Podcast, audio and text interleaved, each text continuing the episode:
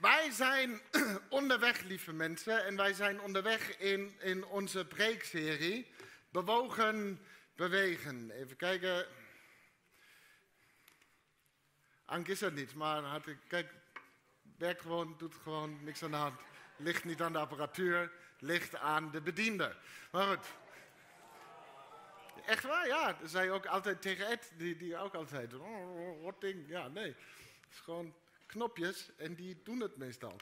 Maar goed, wij zijn dus onderweg in de preekserie Bewogen, Bewegen. Uh, en het, gaat om dit idee, gemeente zijn is, is Jezus zijn. Dit ligt aan de grondslag van, dit, van deze beweging. Als gemeente willen we als Jezus zijn. We willen dus bewegen en, en, mensen ontmoeten, behandelen, liefhebben en, en helpen zoals Jezus dat deed. Dus vervuld met de geest om het werk van Jezus voor te zetten, om nog veel meer dingen te doen dan Hij. En, en met dat verlangen op ons hart kijken we dus in deze serie naar de verschillende ontmoetingen die, die, die Jezus heeft gehad tijdens zijn bediening. Als, als inspiratie, als, als motivatie en, en uitdaging en hopelijk ook als, als zegen. we hebben al gekeken naar Zacchaeus, de rijke jongeling. En, en, en vandaag gaan we kijken naar Nicodemus. En ik denk dat. Ik denk dat wij ons op een belangrijk moment in de geschiedenis bevinden. Um, en, en, niet alleen voor ons als Nazarenen Vladingen, maar voor de kerk algemeen. De kerk met een hoofdletter K. Want het lijkt erop dat. En dat heeft, denk ik, corona in gang gezet en alles wat het heeft gebracht, wat niet leuk is. Dit heeft wel volgens mij iets gebracht waar ik dankbaar voor ben. Het heeft ons uit onze sleur gehaald, uit onze routine. Het lijkt erop dat we nu als, als kerk aan het bepalen zijn wie wij als kerk zullen zijn voor de komende generaties.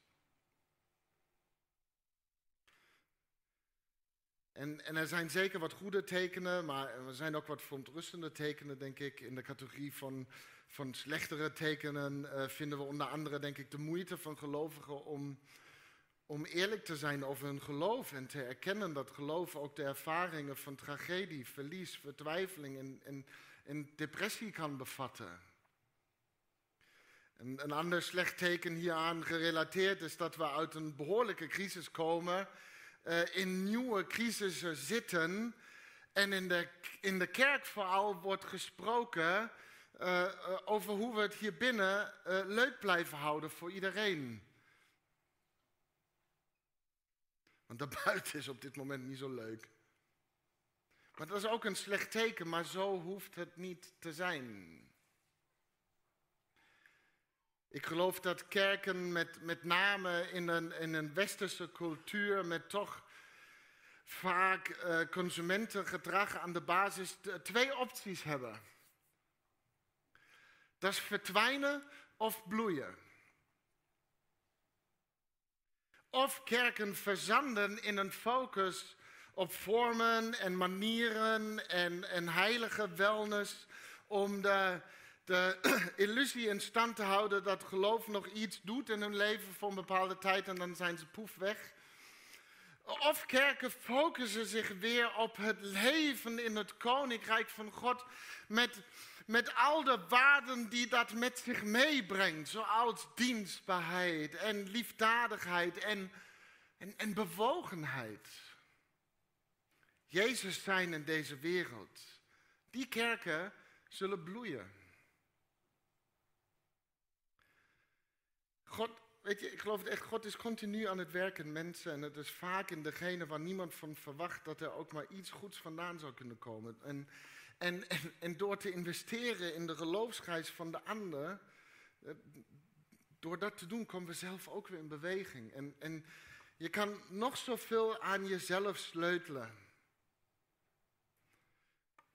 Maar je geloof zal op een gegeven moment niet meer levendiger van worden. Een, een levendiger geloof ontstaat als je bereid bent aan jezelf te werken omdat. Dat Dat is zo'n belangrijk woord. Omdat je op een hoopvolle manier wilt meeleven met anderen. Dus bewogen, bewegen. Weet je, als wij als kerk over een x aantal jaren zouden verdwijnen, dan kijkt niemand terug en zegt van, ja, dat lag aan al die kleine keuzes die ik en vele anderen hebben gemaakt, die zich hebben opgestapeld en hebben geleid tot dit verschrikkelijk moment. Als een kerk verdwijnt en iedereen die daar een keer deel van was, die kan altijd aanwijzen, de ander of iets en een reden waarom dat zo was, maar we betrekken het vaak niet op de keuzes die wij hebben gemaakt. Maar als we over een x aantal jaren nog zijn als kerk, jij er nog bent als een vogeling van Jezus, deze kerk bloeit en straalt met liefde voor mensen, dan is dat omdat we in dit cruciale moment goede keuzes hebben gemaakt over wie wij willen zijn als kerk voor de komende generaties. Dus bewogen, bewegen als essentie van kerk zijn. We hebben het nu lang genoeg gemaakt over onszelf Klaar nu. In het kort. en hoe radicaal en ingrijpend het koninkrijk van God is, wordt, wordt denk ik duidelijk dus in, in Jezus zijn ontmoeting met, met Nicodemus. Hier is een grap, die hebben jullie nog nooit gehoord. Nicodemus. Ja, nou lachen. Oké, we gaan even lezen. Johannes 3, de versen 1 tot en met 21. Is er iemand die kent hem nog niet? ja, Stikret, maar ja, ja. Wat moet ik zeggen? Het is ons, onze afkomst. Ja. Wij hebben in Duitsland niet dit soort geweldige grappen. Nee. Goed, Johannes 3, de versen 1 tot en met 21. Zo was er een fariseer. Een van de Joodse leiders met de naam Nicodemus. En hij kwam in de nacht naar Jezus toe. Een rabbi, zei hij, wij weten dat u een leraar bent die van God gekomen is. Want alleen met Gods hulp kan iemand de tekenen verrichten die u verricht.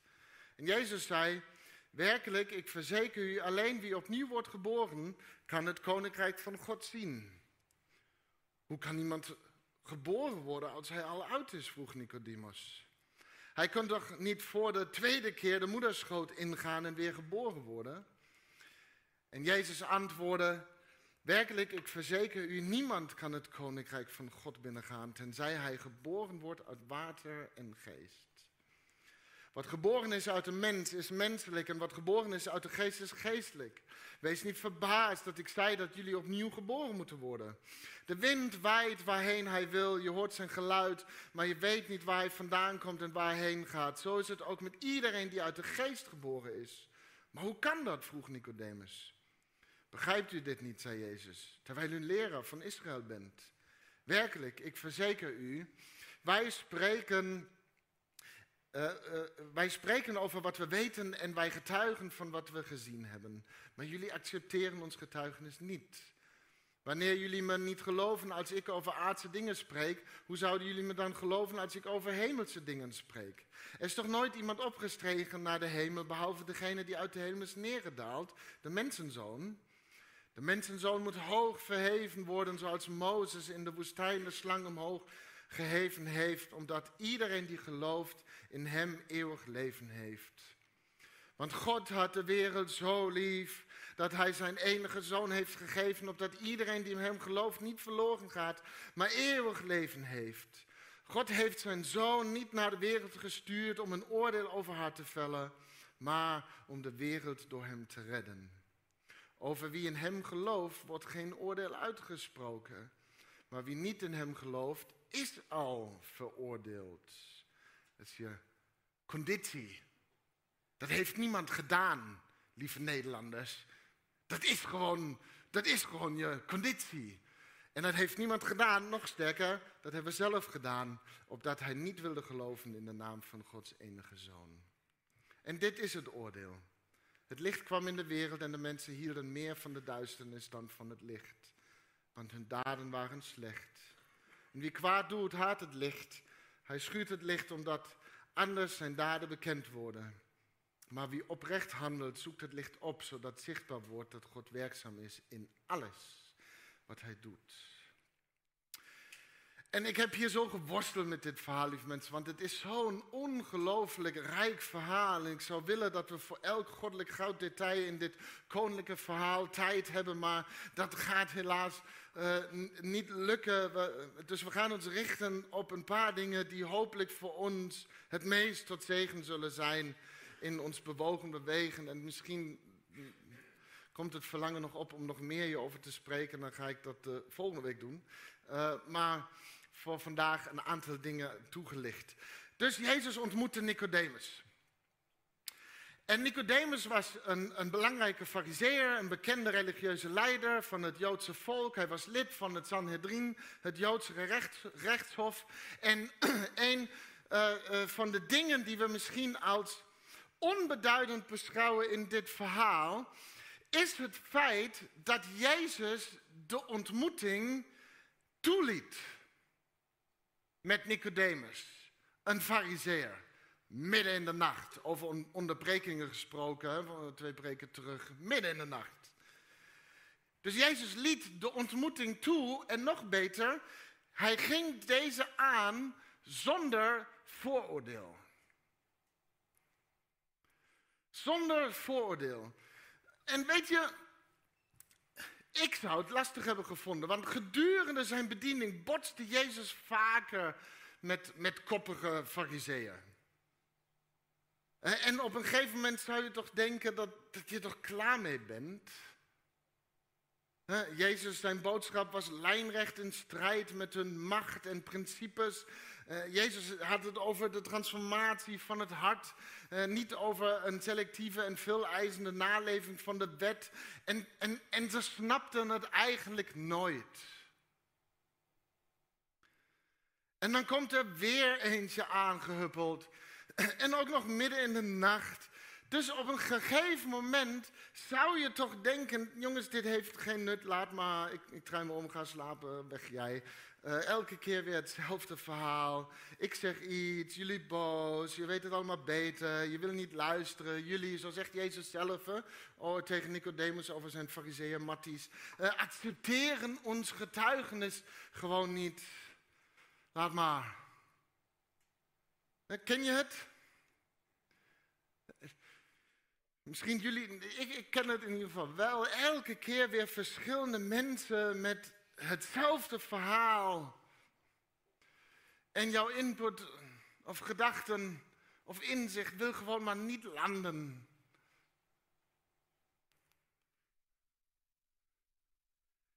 Dus hier is een vraag die je vaker tegenkomt vandaag. Wat als je de zoveelste fariseer ontmoet in je leven? Durf je dan de ontmoeting nog aan te gaan?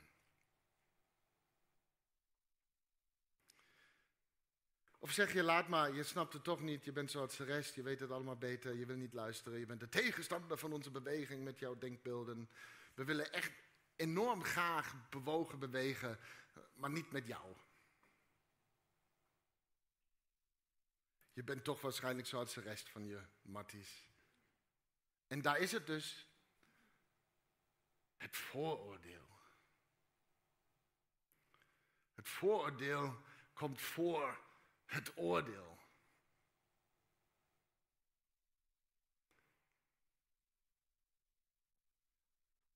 Dus hoe ontmoet jij de zoveelste fariseer in jouw leven? Nou, een recente ervaring liet zien dat, de fariseer wordt vaak gewoon keihard veroordeeld. Uh, ik, ik, weet niet of, ik weet of jullie die hele heisa hebben meegekregen rond de, de christelijke band In Salvation. Wie heeft het meegekregen? Ja, e, even uitleggen voor degenen die het niet mee hebben gekregen. De, de band was uitgenodigd door een gemeente om een, om een prezenavond te verzorgen. Uh, toen duidelijk werd dat de, homoseksuele predikant van deze gemeente, Alexander Noordijk, die kennen we hier ook, heeft in het verleden ook een paar keer gesproken, eh, een, een gebed zou doen tijdens die dienst, heeft die band op het laatste moment afgezegd. En toen is de bom ontploft. Meegekregen, ja? Het kwam echt ook in, eh, in het landelijke nieuws, niet alleen eh, de christelijke media die zoveel bereikt, maar de, de echte media.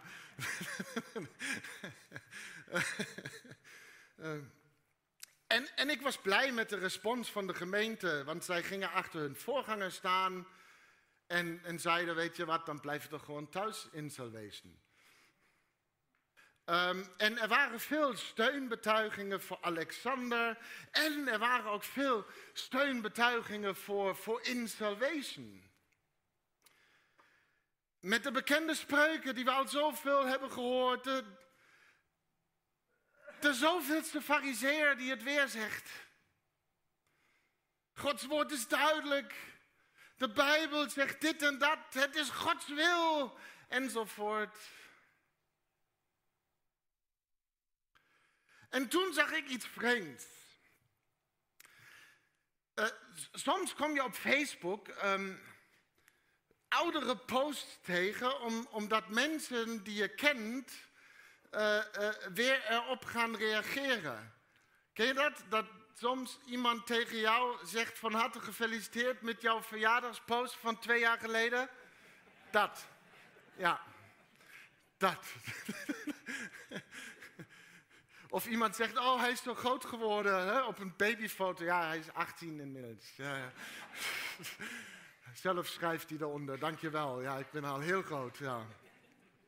Dus soms kom je van die oudere posts tegen waar mensen weer op reageren. En, en in dit geval kwam er een video langs in mijn tijdlijn van de band In Salvation. Uh, van een lied dat ze uh, in 2021 hadden gepost, of een clip van dat lied omdat er volgens mij iemand uit hun omgeving was overleden. En, en toen ben ik de nieuwe reacties op deze post even gaan lezen.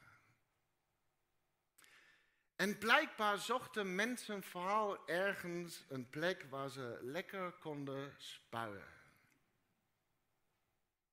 En niet alleen op deze post, maar het was overal. En er kwam een, een lelijke kant naar boven. De, de band werd gewoon uitgescholden en, en afgekraakt. Hè, eh, eh, door, door christenen.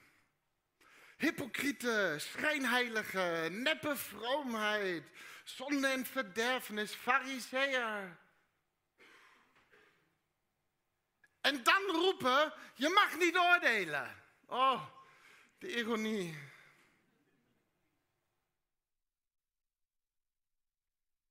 En ik hoop dat je goed luistert, want ik ga niet de keuzes van Insalvation verdedigen of wie een standpunt dan ook. Want het gaat me vooral om iets in dit voorbeeld wat ik bij mezelf opeens zag gebeuren.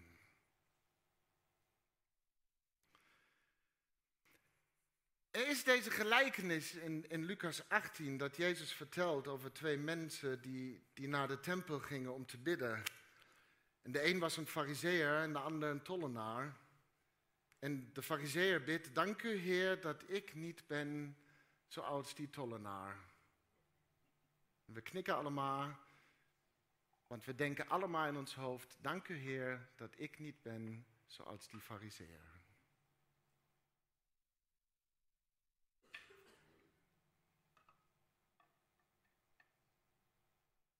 En toen ik er zag wat er op Facebook gebeurde, was mijn eerste gedachte: zo jongens, doe is normaal. Stel het je asociale.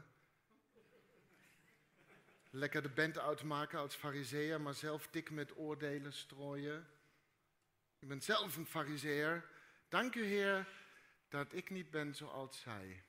Oeps.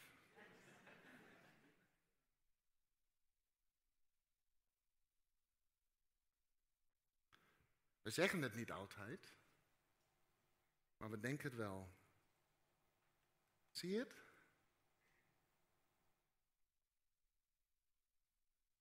De fariseer veroordeelt omdat hij anderen veroordeelt als fariseer. En ik dan? Nou, blijkbaar gewoon onderdeel van de club. Welkom in het fariseer-team.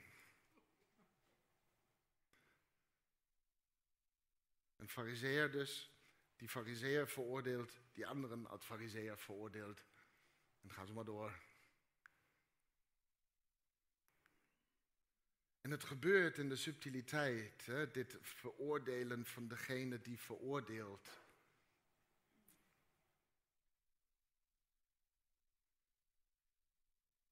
Zit een bepaalde hoogmoed ook aan de grondslag, hè, want ah, dank u dat wij zo niet zijn. En het gebeurt voortdurend en we doen het denk ik allemaal. Kom op jongens, doe eens normaal, stel het idioten. Wees lief voor elkaar, mafkees. Het is zo lastig om zonder vooroordeel de ander te ontmoeten. Dus wat Jezus hier deed, is niet, niet nadat hij al zoveel malen met fariseeën zat te bomen en het licht niet doorbrak. Dus zijn ervaring met, met andere fariseeën bepaalde niet zijn benadering van, van Nicodemus. En hoe moeilijk is het dus blijkbaar? Dus wat als je de zoveelste fariseer ontmoet in je leven? En de uitdaging van bewogen bewegen is, is dus niet alleen van Jezus houden. Dat is altijd wat we hier hebben gedaan. Die knuffel Jezus, hartstikke mooi. En, en veel kerken die focus, discipel zijn. En dat is ook allemaal belangrijk. Maar de uitdaging om als Jezus bewogen te bewegen is van de fariseer houden. Houden van degene die een misplaatste dankbaarheid in ons losmaakt dat wij niet zo zijn.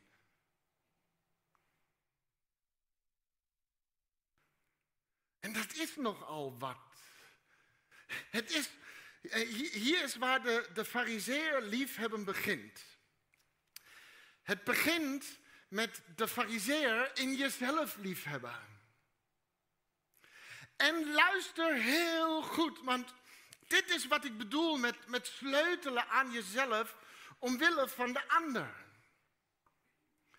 Als ik de lelijkste kant van mezelf kan liefhebben, die lelijke emoties en gedachten, die boosheid, misschien wraakgevoelens, die jaloezie, die egocentrische, dit egocentrische gedrag, die onverschilligheid, het vooroordeel, al die verraders van liefde. Als ik deze kant van mezelf kan liefhebben, kan ik het ook in de ander.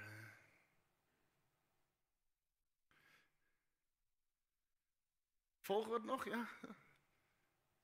Dus veel van het gesprek tussen Jezus en Nicodemus gaat over licht en, en duisternis. En dat is toevallig, want Nicodemus kwam in de nacht bij Jezus. En Nicodemus kwam dan misschien in de nacht en het lijkt hypocriet, zo in het geheim. Maar, maar Jezus stuurde hem later op zijn weg met de opdracht, zoek het licht op. En dan, dan zal je God aan het werk zien. En, en als ik dus de duisternis in mij kan ontmoeten, met licht, zal ik ook het licht van God zien schijnen in de nacht van een ander. En we kennen die ene vers waarschijnlijk allemaal uit ons hoofd. Johannes 3, vers 16. Want God had de wereld zo lief dat hij zijn enige zoon heeft gegeven, opdat iedereen die in hem gelooft niet verloren gaat, maar eeuwig leven geeft. En wat mij altijd weer zo raakt, is de context van dit bekende stuk waarheid. Jezus spreekt hier niet met een heiden. Jezus praat hier niet met een ongelovige. Dat is hoe wij die versen altijd gebruiken. Oh, die is echt voor jou, want jij kent God nog. Nee, die is voor jou, want jij kent de Heer Jezus niet. Die vers is voor jou. Voor jou. Maar Jezus spreekt je dus met een diep gelovig mens die bekend is met alle regeltjes en maniertjes, die al jaren in de kerk komt, hier en daar bijdraagt en meedoet en, op zijn manier van, van God houdt. Dus elke keer als ik dit verhaal zo lees van de ontmoeting van Nicodemus en Jezus, dan vraag ik me af, zou het zo kunnen zijn dat Jezus mij, eigenlijk mij, ons, daar ontmoet in het geheim.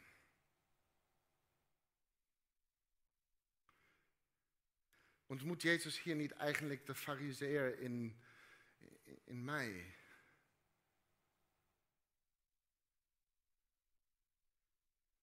En dan zegt Jezus dus tegen mij, God had de wereld zo lief, dat iedereen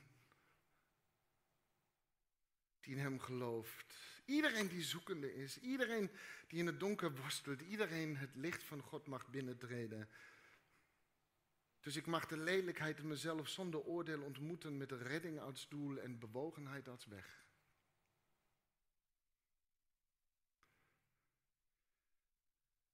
En weet je, het valt me wel vaker op uh, bij mezelf. Ik hou het heel erg bij mij want jullie hebben daar volgens mij allemaal geen last van. Kijk, kijk maar naar waar je je soms zo aan irriteert in een ander. Omdat hij misschien iets zus of zo deed. En ik durf je beloven dat als je op zoek gaat naar een soortgelijke situatie in je eigen leven waar je waarschijnlijk hetzelfde deed, dat je succesvol iets zal vinden.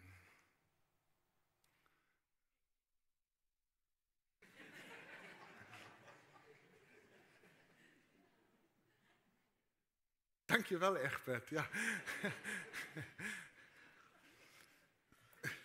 Want meestal. Sorry, ik ben helemaal. De, ik, ik, weet niet of dat nu zo'n evil lach was. Nee, ik heb inderdaad zo'n bevestigende lach ervaren. Ja. Maar meestal stoort het ons aan de ander, omdat het ons aan onszelf stoort. Maar het is wel makkelijker om op jou te reageren.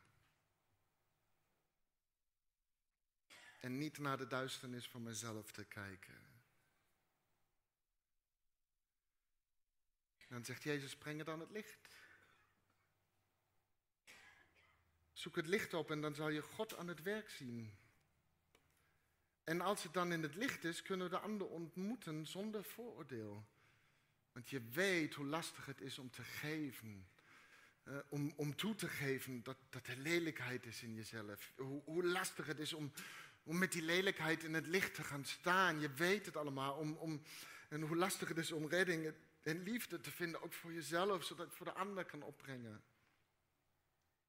En, en dan kan ik als Jezus zonder vooroordeel Nicodemus ontmoeten en degene die voorheen allemaal fariseeën waren voor mij. Dus durf je in het licht te gaan staan en te houden van de lelijkheid, de fariseer, de, de, de Nicodemus in jezelf. Want dan kun je ook houden van de zoveelste Nicodemus die ontmoet en bewogen met hem of haar bewegen. En dit is wat er dan gebeurt. Jezus zag vooral de zoekende naar het koninkrijk van God. Hè? Mooi gesprek. Nicodemus begint over één onderwerp. Jezus, alsof hij helemaal niet heeft geluisterd, komt met zijn agenda. En zijn agenda is altijd weer koninkrijk van God. Maar op een, Jezus gaat in op zijn zoektocht en beweegt met hem mee. En Jezus nodigt hem uit naar het licht. En, en vanuit ons gebroken mens zijn handelen we vaak toch echt anders. We, we, we nodigen niet uit naar het licht, maar we vervloeken de fariseer met duisternis. Ehm, en vaak wordt Nicodemus gezien als iemand die, die niet durfde op te komen voor zijn interesse in Jezus Hij, komt uiteindelijk in het geheim bij Jezus. Hij durfde zijn zoektocht niet openbaar te maken, slappeling. En, en deze interpretatie van dit moment is niet zo nieuw. Helemaal niet zo nieuw. Hier komt het. Calvijn, Johannes Calvijn, heeft al in zijn traktaten uit 1543 protestantse christenen uitgescholden op Facebook die hun geloof in het geheim zouden beleiden en tegelijkertijd naar de katholieke mis zouden gaan. En Calvijn veroordeelde dit type christen als Nicodemieten. Omdat ze hypocriet handelden uit angst en lafheid. Dus ergens is het onderdeel van ons gebroken mens zijn en ons christelijk erfgoed om zo te geloven. Om zo met het vooroordeel op zak de ander te ontmoeten.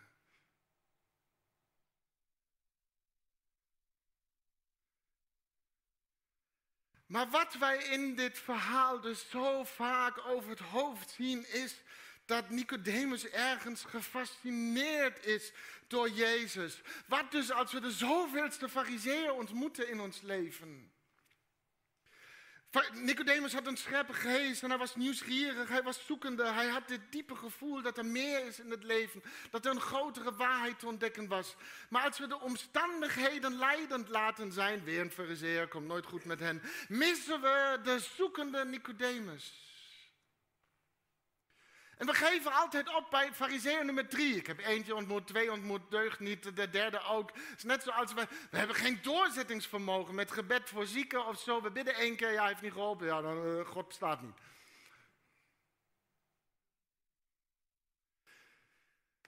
Andere preek. Um, Maar het is dus ook altijd weer de uitdaging in onze ontmoetingen met Jezus om, om niet de omstandigheden leidend te laten zijn, maar achter de omstandigheden te ontdekken waar iemand werkelijk naar op zoek is. Nicodemus begon dan ook over wonderen verrichten en Jezus las tussen de regels en begon over het koninkrijk van God en opnieuw geboren worden, want dat is waar het werkelijk om ging. En een van de bewegingen die we nu in deze kerk meemaken en in andere kerken is dat het ging vaak over de dingen waar het eigenlijk niet over gaat. En de kerk is iets geworden wat altijd ging over de dingen waar het eigenlijk niet over gaat. En nu zijn we aan het zoeken waar gaat het over en dat is goed.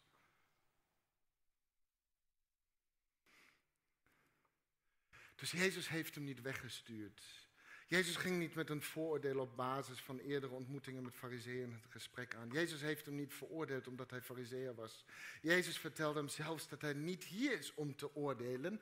Nog sterker, Jezus zegt zelfs dat mensen vooral zichzelf veroordelen door in duisternis te blijven. Dit doet niemand ons aan. Het zijn onze keuzes over wie wij willen zijn in de toekomst als kerk.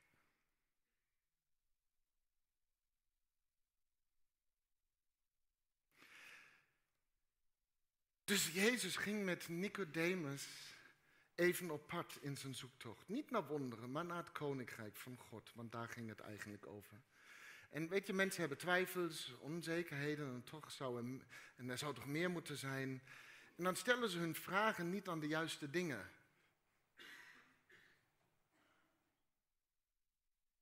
En dan is zoeken en openstaan voor de rijkdom van mogelijkheden. Wat we nodig hebben. En dus Jezus ging met Nicodemus zoeken. Dus wat als we de zoveelste fariseeën ontmoeten in ons leven? Nicodemus was op zoek naar meer en hij vond het. Hè? Nicodemus, een fariseer die een volgeling van Jezus was. In het geheim en later in het openbaar. Eén keer zien we hem nog terug, daar komt hij voor Jezus op, voor Sanhedrin. En nog een keer zien we hem terug waar hij samen met Jozef van Arimathea, daar die hoek, uh, Jezus balsemt na zijn kruisdood. Onderschat dus nooit wat God in het geheim kan doen in de levens van mensen onderweg van duisternis naar licht. We willen dus niet handelen vanuit ons gebroken mens zijn, maar vanuit ons Jezus zijn. Um, uh, en, en in het gelijkenis dat Jezus vertelt over de fariseer die, die bidt dat hij zo dankbaar is dat hij niet is zoals die tollenaar, zien we dus ook de tollenaar een gebed bidden. En het blijkt dat die tollenaar zich heel bewust was van zijn lelijke kant, want hij bidt dit. God wees mij genadig. God wees mij genadig. Wat als ik de zoveelste fariseeën ontmoet in mijn leven? Ik bid, Heer, wees mij genadig. Wees mijn lelijke kant genadig. Help mij deze kant lief te hebben, zodat ik het ook kan liefhebben in de ander. Hier is dus wat Nicodemus zegt. Hier, hier is dus wat Jezus tegen Nicodemus zegt en, en elke Nicodemus in ons. Je hebt opnieuw geboren worden nodig. Van gebroken mens zijn naar Jezus zijn. Je hebt opnieuw geboren worden nodig door de geest. Je hebt de geest nodig. En, en, en, en iedereen kan het, zegt Jezus. Want ook al ben je oud en kom je al zo lang in de kerk. Iedereen kan het. Je hebt een transformatie nodig van het hart ik heb dus een geest nodig die me van de grond af aan opnieuw opbouwt. Ik heb een geest nodig die in mij het werk doet dat alleen de geest kan doen. Opnieuw geboren worden. Want geboren worden is uiteindelijk gaan van het donker naar het licht. Wij noemen het hier dan ook graag heiliging. En dat is dus radicaal anders. We zeggen graag dat je niet moet oordelen, maar niet meer oordelen zonder deze vernieuwing in ons hart is ook alleen maar gedragsaanpassing en in de kern ook maar weer een wet.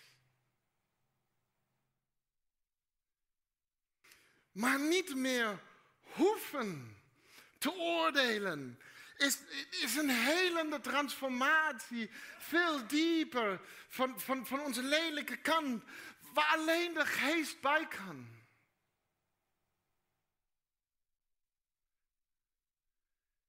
En, ik heb de geest dus nodig om de, de lelijkste kant van mezelf lief te hebben, om bewogen te bewegen met de Nicodemus in mij en in jou. En dan zal ik zelfs bewogen bewegen met degene die altijd het bloed onder mijn nagels vandaan haalden. Ik zal bewogen bewegen met degene waarvan iedereen verwacht dat het niet goed komt. Ik zal bewogen bewegen met degene van wie ik dacht dat ze zouden zijn zoals de rest van een club. Ik zal bewogen bewegen met degene die veroordelen, afgaffelen, schelden. Ik zal bewogen met degene die niet opkwamen dagen van welk theologisch verschil dan ook. En ik zal bewogen bewegen met iedereen die ik zag als een verrader van liefde. En dat zijn er zoveel, maar ik zal elke keer opnieuw bewegen als Jezus die Nicodemus ontmoet. Want de geest rust uiteindelijk op mij om goed nieuws te brengen. En wie weet, is God in het geheim aan het werk geweest en zien we opeens het licht van God doorbreken. Wat als je de zoveelste fariseer ontmoet in je leven? Amen.